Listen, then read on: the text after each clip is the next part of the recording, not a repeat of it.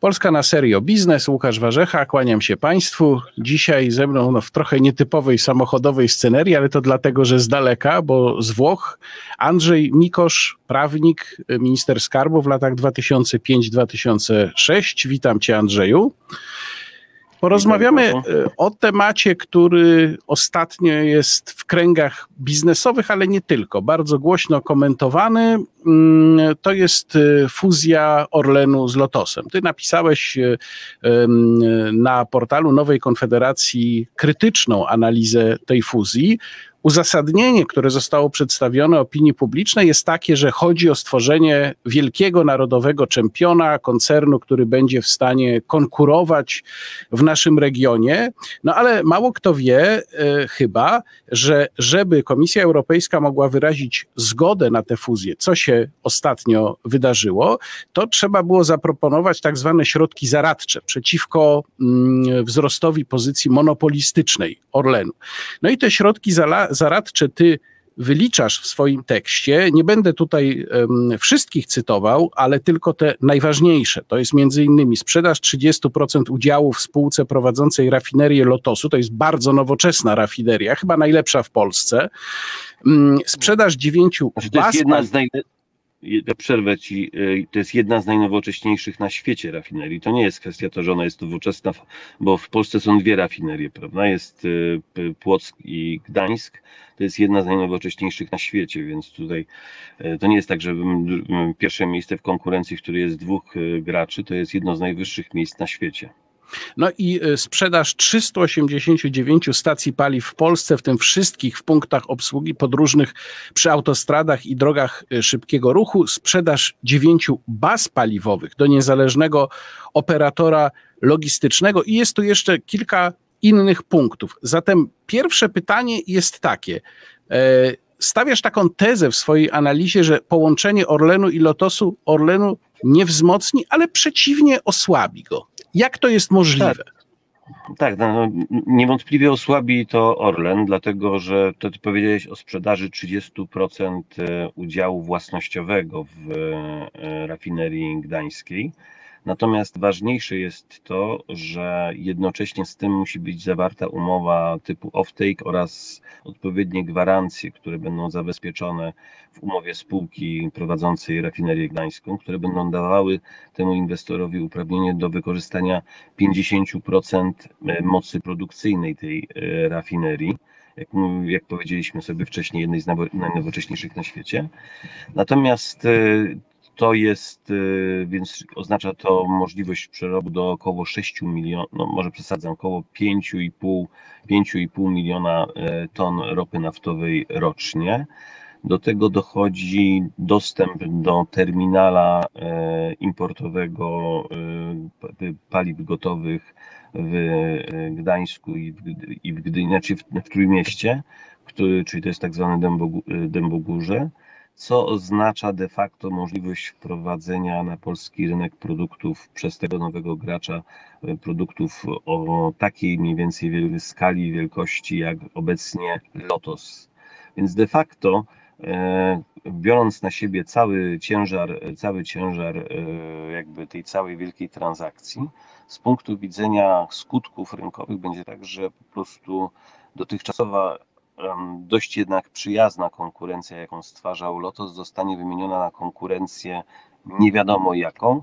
Rozumiem, że mogą być jakieś rozmowy, o czym piszę w swoim artykule z MOLem, że to może być MOL, tylko że ze względu na totalne uzależnienie MOLu od Rosjan, e, oznacza to de facto wpuszczenie, wpuszczenie rosyjskiego, e, rosyjskiego tutaj e, znaczy rosyjskiego zarządzania tą częścią rynku. Więc tak naprawdę może to być BP, może to być Shell. Shell jest zainteresowany, BP jest zainteresowany, ale Shell na przykład też jest koncernem, który jest jedynym zachodnim koncernem jeszcze w tej chwili obecnym na rynku rosyjskim, więc też posiada jakiegoś tam, muszą być jakieś powiązania też e, z, e, z rządem rosyjskim. Oznacza to tak naprawdę, że pozycja Orlenu konkurencyjna na polskim rynku się bardzo gwałtownie osłabi. Żebyśmy, I... przepraszam, żeby nasi, żeby nasi widzowie dobrze to zrozumieli. Czy chodzi, chodzi o to, jak rozumiem, że w ramach tych środków zapobiegawczych Orlen będzie musiał do tej nowoczesnej rafinerii w Gdańsku wpuścić gracza, który w 50% będzie tam w zasadzie mógł robić, co mu się będzie podobało. Tak, dokładnie w ten sposób. Znaczy, co będzie mu się podobało, to nie do końca, bo to jest umowa off-take'owa, ale de facto będzie miał zdolność tego, żeby przerabiać swoją ropę naftową w, e, w rafinerii gdańskiej i produkty pochodzące z tej, z tej rafinerii wprowadzać na rynek, na rynek e, Polski. Do tego będzie dysponował terminalem importowym produktów gotowych, który tam się znajduje w Dębogórzu, którego, który jeżeli będzie dobrze wykorzystywany, jeżeli będzie też odpowiednio wykorzystywana infrastruktura, to naprawdę pozwala na to, żeby na polski rynek wszedł gracz, który będzie większy de facto, aniżeli obecnie Lotos. Więc yy, tak, naprawdę, tak naprawdę oznacza to, oznacza to bardzo silne pogorszenie pozycji konkurencyjnej Orlenu. Czy to jest złe? No to z punktu widzenia Orlenu jest niewątpliwie złe z punktu widzenia polskiego konsumenta to może być dobre, ale też niekoniecznie musi, dlatego że w zależności od tego, jaką przyjmie politykę ten nowy gracz, on może próbować wykorzystywać obecną sytuację panującą na rynku polskim, w którym tak naprawdę, tak naprawdę um, zarówno Lotos, jak i Orlen wykorzystują pewnego rodzaju przewagę, zwiększając swoją marżę hurtową i marżę rafineryjną, w sposób dysproporcjonalny w stosunku do podmiotów, e, do podmiotów, które funkcjonują na bardziej konkurencyjnych rynkach. No i wtedy może być taka sytuacja, to przewiduje Andrzej Szczęśniak w swojej, e, w swojej analizie, że zamiast zwiększyć konkurencyjność polskiego rynku, będziemy mieli sytuację tego rodzaju, że ten rynek będzie wyglądał podobnie jak w tej chwili, Tyle, że duża część obecnie e, wytwarzanej marży rafineryjnej hurtowej, w której w ponad 50% uczestniczy Skarb Państwa jako akcjonariusz, e, jako akcjonariusz e, Lotosu, będzie wyjeżdżała za granicę i ten zysk, który w tej chwili, e, który jest w tej chwili stworzony mm, i w którym uczestniczą dwa polskie podmioty, jakimi są Lotos i Orlen, będzie po prostu wyjeżdżał za granicę. To A o co, przepraszam, o co, chodzi tutaj, o co chodzi tutaj z tą marżą rafineryjną? Bo ty też tłumaczysz, spróbujmy to wyjaśnić prosto, ty też tłumaczysz, że to może być jeden z powodów, dla których niekoniecznie ceny na stacjach w wyniku tej, tego wzrostu konkurencji będą spadać, może być wręcz odwrotnie. Dlaczego tak się może stać? E, dlaczego? Dlatego, że e, w tej chwili Lotos i Orlen utrzymują wysoką marżę rafineryjną, manipulując marżą e, detaliczną. Czyli, przepraszam, czyli zarabiają po prostu na pracy rafinerii, tak można to tak, prosto powiedzieć. Tak, I na hurtowej sprzedaży. W tym momencie wchodząc, wprowadzając do hurtu swoje produkty, ten nowy gracz, zarówno z rafinerii gdańskiej, jak i przez możliwość importowania dużych wolumenów, bo praktycznie rzecz biorąc przyjmuje w tym momencie e, terminal w Dębogórzu e, dużych wolumenów e, produktów ropopochodnych, będą mogły, będzie mógł utrzymywać taką samą marżę, tak samo wysoką marżę, co więcej, dzięki temu, że korzysta z nowocześniejszej rafinerii. Będzie przerabiał ropę nie ciężką, nie Ural, więc w związku z tym ta marża, którą on będzie wytwarzał, może być na poziomie rafinerii, na poziomie hurtu dużo wyższa niż ta, którą wytwarza, wytwarza Orlen, więc Orlen, żeby zachować swoją rentowność, będzie utrzymywał tę samą marżę. Ta marża, będąc marżą de facto większą aniżeli ta, którą, którą ma Orlen, będzie wytwarzana będzie utrzymywana również przez tego zagranicznego gracza. No i a, na, a konkurencyjność rynku, rynku stacji, stacji paliwowych się nie zmieni. I w ten sposób może być sytuacja taka, że albo, a jeżeli się zmieni, to w tym momencie, jeżeli pojawi się więcej stacji, to w tym momencie Orlen nie będzie w stanie, tak jak w tej chwili, narzucać e, marży detalicznej, detalicznej na rynku. Więc de facto może być sytuacja taka, że ceny pozostaną takie same, albo nawet mogą ulec troszeczkę zwiększeniu, ponieważ pozycja Orlenu będzie słabsza i nie będzie w stanie narzucać, e, na, narzucać tak niskich marsz e, na stacjach, jak w tej chwili narzuca. Proszę Państwa, powiedzmy sobie szczerze, polski rynek paliw nie jest drogi, jeśli chodzi o paliwa samochodowe. Polski rynek paliw jest drogi, jeśli chodzi o paliwa lotnicze. I tutaj też e, Komisja Europejska narzuca bardzo silne bardzo silne mm, ograniczenia dla Orlenu, co więcej obowiązki, które są obowiązkami no już naprawdę bardzo, bardzo daleko idącymi, dlatego że Orlen zostaje zobowiązany do wybudowania na własny koszt nowego terminalu do przywozu paliwa lotniczego w Szczecinie, który to terminal, e, tam jest podana jego, jego, jego zdolność przeładunkowa i zdolność przechowawcza, e, który to terminal będzie musiał przekazać niezależnemu, e, niezależnemu operatorowi logistycznemu, czyli de facto będzie to oznaczało zwiększenie też konkurencyjności tego rynku. W tej chwili ten rynek jest absolutnie opanowany przez Orlen i przez Lotos i to tak można powiedzieć od, na, na przestrzeni od Wilna albo Rygi nawet do, do czeskich Budejowic. Tak naprawdę Orlen jest podstawowym, głównym graczem na tym rynku. A czy, czy możemy czy możemy oszacować, ile taki terminal kosztuje mniej więcej?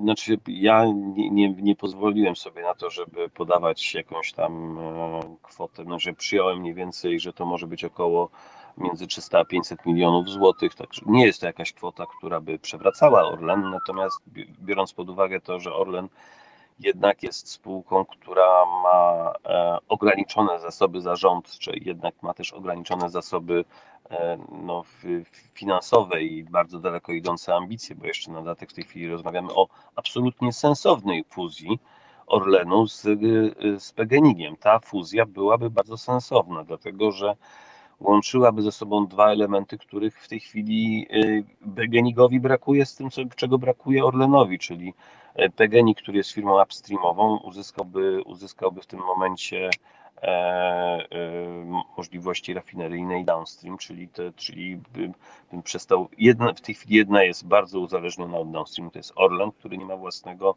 e, własnej ropy naftowej, własnych złóż i PGNiG, który jest dokładnie w odwrotnej, po odwrotnej stronie jakby tego samego lustra, tego samego zwierciadła, to znaczy on znowuż nie ma zdolności przetwórczych, więc w związku z tym wydaje mi się, że tak, że po prostu zamiast robić szkodliwą dla osłabiającą Orlen fuzję z Lotosem, aczkolwiek fuzję, o której całe pokolenia pracowników Orlenu marzyły i tak jak napisałem w swoim tekście, e, na dole w Płocku e, znajduje się krzyż poświęcony przez świętego Jana Pawła właśnie w, w związku z pielgrzymką w intencji połączenia Lotosu z Orlenem, więc już jakaś to jest prawie że kwestia prawie że mistyczna e, dla niektórych osób związanych z płockim koncernem, że trzeba zlikwidować ten, e, jak to czasami nazywają, laboratorium przetworu, przetwarzania ropy w Gdańsku.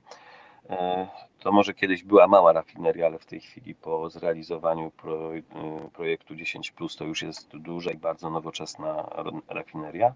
Więc w związku z tym to wszystko wydaje mi się, że po prostu powinno być jakoś tak zarządzane w sposób taki, który pozwalałby uzyskiwać e, rzeczywistą rzeczywistą e, siłę e, Orlenowi. Ty powiedziałeś, po, po, powiedziałeś teraz, że fuzja z państwowym górnictwem naftowym i gazownictwem byłaby sensowna. Ja też widziałem taki argument przeciwko tej fuzji, a właściwie przeciwko Y, szybkiemu jej przeprowadzeniu, że jeżeli za dużo na siebie takich działań Orlen weźmie, no bo tu Lotos, tu PGNiG wkrótce, to zdolność firmy do przeprowadzenia gładkiego takiej fuzji może po prostu być za niska, że to się może nie udać, że firmy takie rzeczy przeprowadzają w ciągu dekady, a nie w ciągu zaledwie kilku lat. Ależ absolutnie tak, ale to, to właśnie dlatego mówię, że należy porzucić ten projekt lotosowy, bo on po prostu naprawdę nie buduje wartości i zająć się projektem PGNiG-u. E, co więcej, też wydaje mi się, że nie powinny te projekty być przemyśliwane z punktu widzenia, z punktu widzenia w tej chwili, mm, z punktu widzenia dochodów y, skarbowych, bo tak wygląda na to, że ten, y, że fuzja z Lotosem i fuzja z PGNiG są przemyśliwane nie z punktu widzenia interesu tych spółek, tylko z punktu widzenia tego, żeby wypłacić jak najwięcej pieniędzy do Skarbu Państwa, który jest akcjonariuszem większościowym zarówno w Lotosie i w tym momencie trzeba od niego kupić akcje w Lotosie, jak i potem jest większościowym akcjonariuszem w PGNiG, co powoduje to, że trzeba będzie, to co zrozumiałem, e, to e, Lotos, który że PGNiG, który jest spółką mającą spółk PGNiG, który jest spółką mającą w tej chwili 35 milionów kapitalizacji, będzie miał być kupiony przez spółkę, która ma w tej chwili 25 milionów, czyli tam 20 czy 20 kilka milionów, którą jest Orlen, więc oznaczać to będzie duże zadłużenie też dla Orlenu. No to są wszystko takie, mm, wydaje mi się, e, elementy, które e, mogą tak naprawdę w dłuższym, dłuższej perspektywie Orlen osłabić. E, I pomysły takie, których słyszałem, że w, ram, że w ramach przekazywania stacji i zdolności przetwórczych rafinerii w Gdańsku i udziału w rafinerii w Gdańsku Orlen otrzymać ma jakieś e, aktywa zagraniczne, no wydaje mi się, że cena e, za te aktywa jest y, dużo wyższa, bo ona nie jest połączona tylko i wyłącznie z tym, co, czy ile one kosztują, czy by kupowały, kosztowałyby nabycie takich aktywów za granicą, co na dodatek jeszcze kosztem tego należy, jako koszt tego należy uznać osłabienie pozycji Orlenu na polskim rynku. Czy y, w takim razie mamy rozumieć, że ten argument że w ten sposób powstałaby firma, która byłaby w stanie dokonywać skutecznej ekspansji w regionie, firma wreszcie wystarczająco duża, porównywalna już z tymi być może największymi, że ten argument jest chybiony? Tak, ten argument jest chybiony. Orlen jest już firmą, która, wykonuje, która w regionie prowadzi ekspansję. Problemem Orlenu jest to właśnie, że wchodzi w różnego rodzaju projekty, takie jak ten lotosowy, które tak naprawdę obniżają jego wartość. No i tak jak na przykład, tak jak w stosunku do OMV, kiedyś Orlen miał, był cenniejszą spółką aniżeli austriackie OMV, w tej chwili jest dużo tańszą spółką i te działania, które zostaną przeprowadzone, spowodują to, że będzie jeszcze słabszą jeszcze, jeszcze tańszą spółką aniżeli w tej chwili jest OMV a Orlen od y, mniej więcej 20 y, lat y, ekspansję w, rejonie, w regionie prowadzi. Orlen ma swoją sieć dystrybucyjną w Niemczech, umowę słopową z którymś z koncernów, nawet nie wiem którym, e, dotyczącą, dotyczącą chyba to jest BP, ale nie, nie, nie wiem na pewno, dotyczącą zaopatrywania siebie wzajemnie między w Polsce i w Polsce i w Niemczech, ma e, jest e, ma posiada Unipetrol i dawną benzynę w, w Czechach. W Unipetrolu przeprowadził na dodatek jeszcze, to zrobił jeszcze prezes Jasiński przed jego odwołaniem, mianowicie wykupił resztę akcji, które były notowane na giełdzie w Pradze, w ten sposób umożliwił pełną konsolidację i to jest, to akurat niewątpliwie wzmacnia, or, wzmocniło Orlen, umożliwił konsolidację Unii Petrolu ze spółką płocką. E, Orlen e, ma rafinerię w Morzejkach, dzięki której jest istotnym graczem na w tak zwanej Pribałtyce, czyli w krajach bałtyckich i tam też dysponuje swoją sieci, swoimi sieciami dystrybucyjnymi, czyli ma swoje, swoje stacje paliwowe, to wszystko działa i to wszystko tworzy wartość, to dzięki temu Orlen jest coraz silniejszy. W dużej mierze ta siła Orlenu wynika także z tego, że na swoim macierzystym rynku, gdzie konkurował do tej pory przede wszystkim z Lotosem, który jednak by jego konkurencja była, można czymś nazwać to, nazwijmy to sobie jak y, przyjazną konkurencją, E, a nie z e, graczami typu, nie wiem, e, Lukoil, typu Shell, czyli dużo silniejszymi z punktu widzenia i finansowego, i zdolności, do, zdolności nabywania ropy naftowej podmiotami, więc w związku z tym tak naprawdę dzięki temu wszystkiemu Orlen mógł się dobrze rozwijać. Połączenie z PGNiG-iem, które nie miałoby charakteru nabycia PGNiG-u, ale E, fuzji polegającej na wydaniu akcji Orlenu akcjonariuszom PGNiG-u niewątpliwie miałoby sens, natomiast oczywiście trzeba byłoby to przemyśleć z punktu widzenia jednego bardzo istotnego, mianowicie Skarb Państwa Rzeczypospolitej Polskiej ma 27% akcji w e, Orlenie. Połączenie z PGNiG-iem, połączone również z, ze sprzed- z wydaniem akcji E, e, akcjonariuszom PGNiG-u mogłoby spowodować, że Skarb Państwa przekroczyłby 33% akcji w Orlenie i no to spowodowałoby obowiązek dokonania wezwania, co delikatnie nas pewnie Skarbu Państwa Rzeczypospolitej Polskiej nie stać. Więc być może trzeba byłoby zrobić w ten sposób, żeby to był tak zwany reverse takeover, to znaczy się to tak naprawdę PGNiG powinien wydać swoje akcje akcjonariuszom Orlenu, zmienić swoją nazwę na, e, zmienić swoją nazwę na PKN Orlen, bo ta nazwa wydaje się być z punktu widzenia takiego rynkowego dużo, dużo lepsza. Już Orlen, jak mówiłem, jest obecny e, na rynkach e, detalicznych e, krajów ościennych. PGNiG jest niewątpliwie świetną marką z punktu widzenia z punktu widzenia poszukiwania ropy naftowej, marką znaną, rozpoznawalną na świecie, więc w związku z tym wydaje się, że tego typu fuzja miała, miałaby, miałaby sens, bo akurat znane są przede wszystkim spółki poszukiwawcze PGNiG-u i, to, i te spółki by nie musiały zmieniać swojej, swojej nazwy, więc w związku z tym tak naprawdę tego typu, tego typu fuzja byłaby sensowna i myślę, że myślę, że y, tylko nie musiałaby mieć ona charakter reverse takeover, czyli po prostu w ten sposób, że to de facto PGNiG wydaje swoje akcje akcjonariuszom Orlenu, y, natomiast, natomiast zmienia swoją nazwę, zmienia swoją nazwę, zmienia skład swój, skład swoich władz w taki sposób, żeby to, e, to była transakcja, w której, e, po której zarządzanie nadal byłoby zarządzaniem jakimś takim niewątpliwie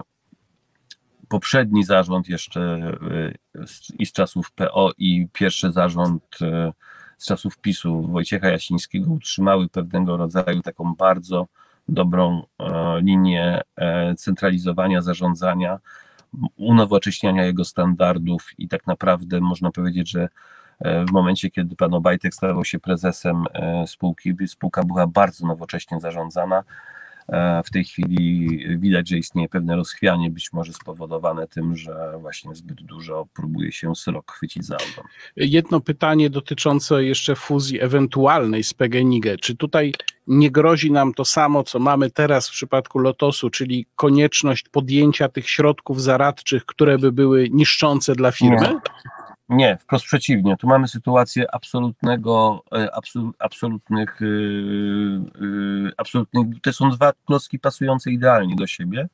Nie trzeba niczego tutaj odcinać, przycinać, żeby to, to dalej funkcjonowało, dlatego że PGNiG nie ma żadnej pozycji na downstreamie, jeśli chodzi o produkty naftowe, a znowuż lot, Orlen nie ma żadnej, no jego działalność upstreamowa no jest, y, to jest połowa tego, co robi w tej chwili Lotos, więc to jest rzeczywiście bardzo niewielka działalność. No, tam są te dwie spółki kanadyjskie, e, to jest e, e, praktycznie rzecz biorąc chyba właściwie w tej chwili cała działalność upstreamowa, więc dzięki, dzięki nabyciu PGNiG-u nie doszłoby do żadnego tutaj, żadnego, żadnej zmiany sytuacji na rynku i tak naprawdę poza wzmocnieniem, rzeczywistym, realnym wzmocnieniem Orlenu, które by, gdzie po prostu skonsolidowana byłaby marża upstreamu i downstreamu, tak to się nazywa, czyli ten wydobywcza ropy i potem produkcji i dystrybucji produktów ropopochodnych, to tak naprawdę, to tak naprawdę i zwiększyłaby się też zdolność e, E, Orlenu, e, jeśli chodzi o kwestie energetyczne, bo PGNiG jest też poważnym graczem energetycznym i te kompetencje w tym momencie e, w Orlenie by się niewątpliwie bardzo, bardzo przydały, biorąc pod uwagę zmiany na rynku energetycznym. Ta fuzja niewątpliwie ma sens i właściwie i można powiedzieć w ten sposób, że szkoda, że w ogóle marnowany jest czas na rozmowę nad czymś, co dla Orlenu może mieć E, tak jakby wynikało z treści przynajmniej decyzji komisji, komunikatu, bo decyzji nie znam, znam tylko i wyłącznie komunikat e, e, Komisji Europejskiej dotyczącej tego, co, jakie zostały zaakceptowane środki zapobiegawcze, czy środki zabezpieczające, które musiał zaproponować Orlen sam no to po prostu to będziemy mieli w tym momencie sytuację taką, że lepiej chyba byłoby, żeby jednak, e, żeby jednak e, Orlen zajął się transakcją związaną z PGNiG-iem, a nie z Lotosem. No to ostatnie pytanie jest takie. Te wszystkie rzeczy, o których my tu rozmawiamy, są przecież dosyć, jak przypuszczam, oczywiste dla zarządu Orlenu. No, każdy, kto się orientuje w tej dziedzinie, musi sobie zdawać sprawę z takich potencjalnych konsekwencji. Jaka w takim razie, Twoim zdaniem, jest motywacja tego działania? Czy na przykład, to jest tylko moje przypuszczenie, czy może na przykład chodzić o to, żeby pokazać wyborcom, że robimy jakiś wielki projekt, który tak naprawdę ma większe znaczenie czysto polityczne niż biznesowe i tylko o to w nim chodzi? Dla, dlaczego taka decyzja została podjęta? Słuchaj, no, ja, ja, nie potrafię odpowiedzieć na to pytanie. Ja, y, wiesz, w, jak tylko został ogłoszony list intencyjny w marcu 2018 roku, napisałem artykuł na temat tej fuzji, gdzie przewidziałem ten scenariusz. No, y, znaczy scenariusz właśnie daleko idących y, remediów. No, ja liczyłem się nawet z koniecznością sprzedaży całej rafinerii Natomiast powiem, że to byłoby mniej niebezpieczne niż to, co się stało. To znaczy się 9 baz paliwowych, e, dostęp do terminala w, e, w Dębogórzu i 50% e, capacity produkcyjnej rafinerii gdańskiej, to je, i jeszcze zobowiązanie do wybudowania terminala w Szczecinie i zobowiązanie do udostępnienia na rynku czeskim benzyny, benzyny lotniczej niezależnym graczom, tak naprawdę przewraca kompletnie pozycję rynkową Orlenu. I, ale to, tego można się było spodziewać w momencie, kiedy ta decyzja była podejmowana. Znaczy, przeprowadzenie poważnej analizy wtedy w 2018 roku powinno udzielić odpowiedzi, która by spowodowała to, że no raczej powinno się było odstąpić od tej transakcji. Mm, I e, no, jeżeli e, ona jest e, przeprowadzona też w taki sposób, no to tutaj są rzeczywiście duże efekty finansowe dla Skarbu Państwa, to znaczy się Orlen wypłaci, zamiast, bo wypłacać dywidendę, Orlen ma całkiem, można powiedzieć, dobrą pozycję z punktu widzenia długu i gotówki w tej chwili. To jest, e, nie był drenowany za czasów rządów PiS e, z gotówki. Więc w związku z tym może, do, czyli jeśli chodzi o kwestię, kwestię wypłaty dywidendy, to tam nie było wielkich wypłat dywidendy. Więc w związku z tym no, to stanowi jakby taką wypłatę na rzecz akcjonariuszy Lotosu, a tutaj większościowym akcjonariuszem jest Skarb Państwa. Natomiast przeprowadzenie takich transakcji przez motywację, ile pieniędzy wpłaci się do, e, do, e, do, do E, skarbu Państwa i do budżetu z tytułu właśnie tego typu przychodowego, no można w ten sposób będzie sfinansować, nie wiem, 14 emeryturę, ale tylko pytanie jest po co, tak? Problem pole... E, to jest jakby, nie wiem, no, w którym miejscu racjonalizujemy decyzję, czy racjonalizujemy ją w Orlenie z punktu widzenia budżetu, budżetu państwa, no to to byłoby jakieś, to byłoby jakieś szaleństwo. No nie da się tak racjonalizować decyzji. Ja nie chcę szukać e, jakichś e, najgorszych możliwych pomysłów pod tytułem takim, że po prostu od początku byli gracze, którzy byli zainteresowani po prostu rozbiorem lotosu, uczestniczeniem w rozbiorze lotosu. To jest tak jak e, ten, napisałem we wstępie, że troszeczkę mi polityka, polityka Orlenu w stosunku do Lotosu w tej sprawie przypomina politykę carycy Katarzyny w stosunku do Rzeczypospolitej. Znaczy miała apetyt na całą Rzeczpospolitą, a potem jak się okazało, temat był nie do, nie do, nie do przejścia, nie do strawienia, musiała się podzielić z Prusami i z Austrią. Pytanie jest tego, jeżeli to, to byłoby to byłoby straszne, gdyby było tak, że po prostu od samego początku byli już e, w blokach startowych ci, którzy chcieli Lotos, Lotos rozdrapać.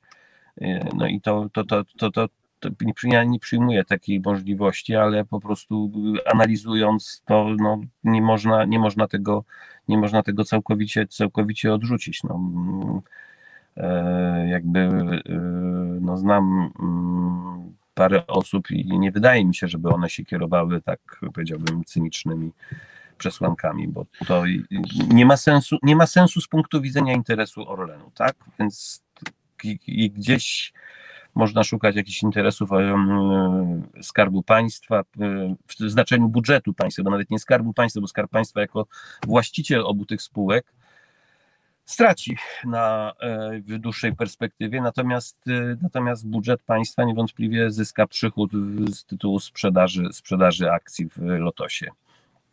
Bardzo dziękuję. Moim gościem w programie Polska na serio biznes był Andrzej Mikosz, prawnik, minister Skarbu Państwa w latach 2005-2006. Dziękuję bardzo Andrzeju. Łukasz Warzecha. Dziękuję, Do Łukaszu. zobaczenia.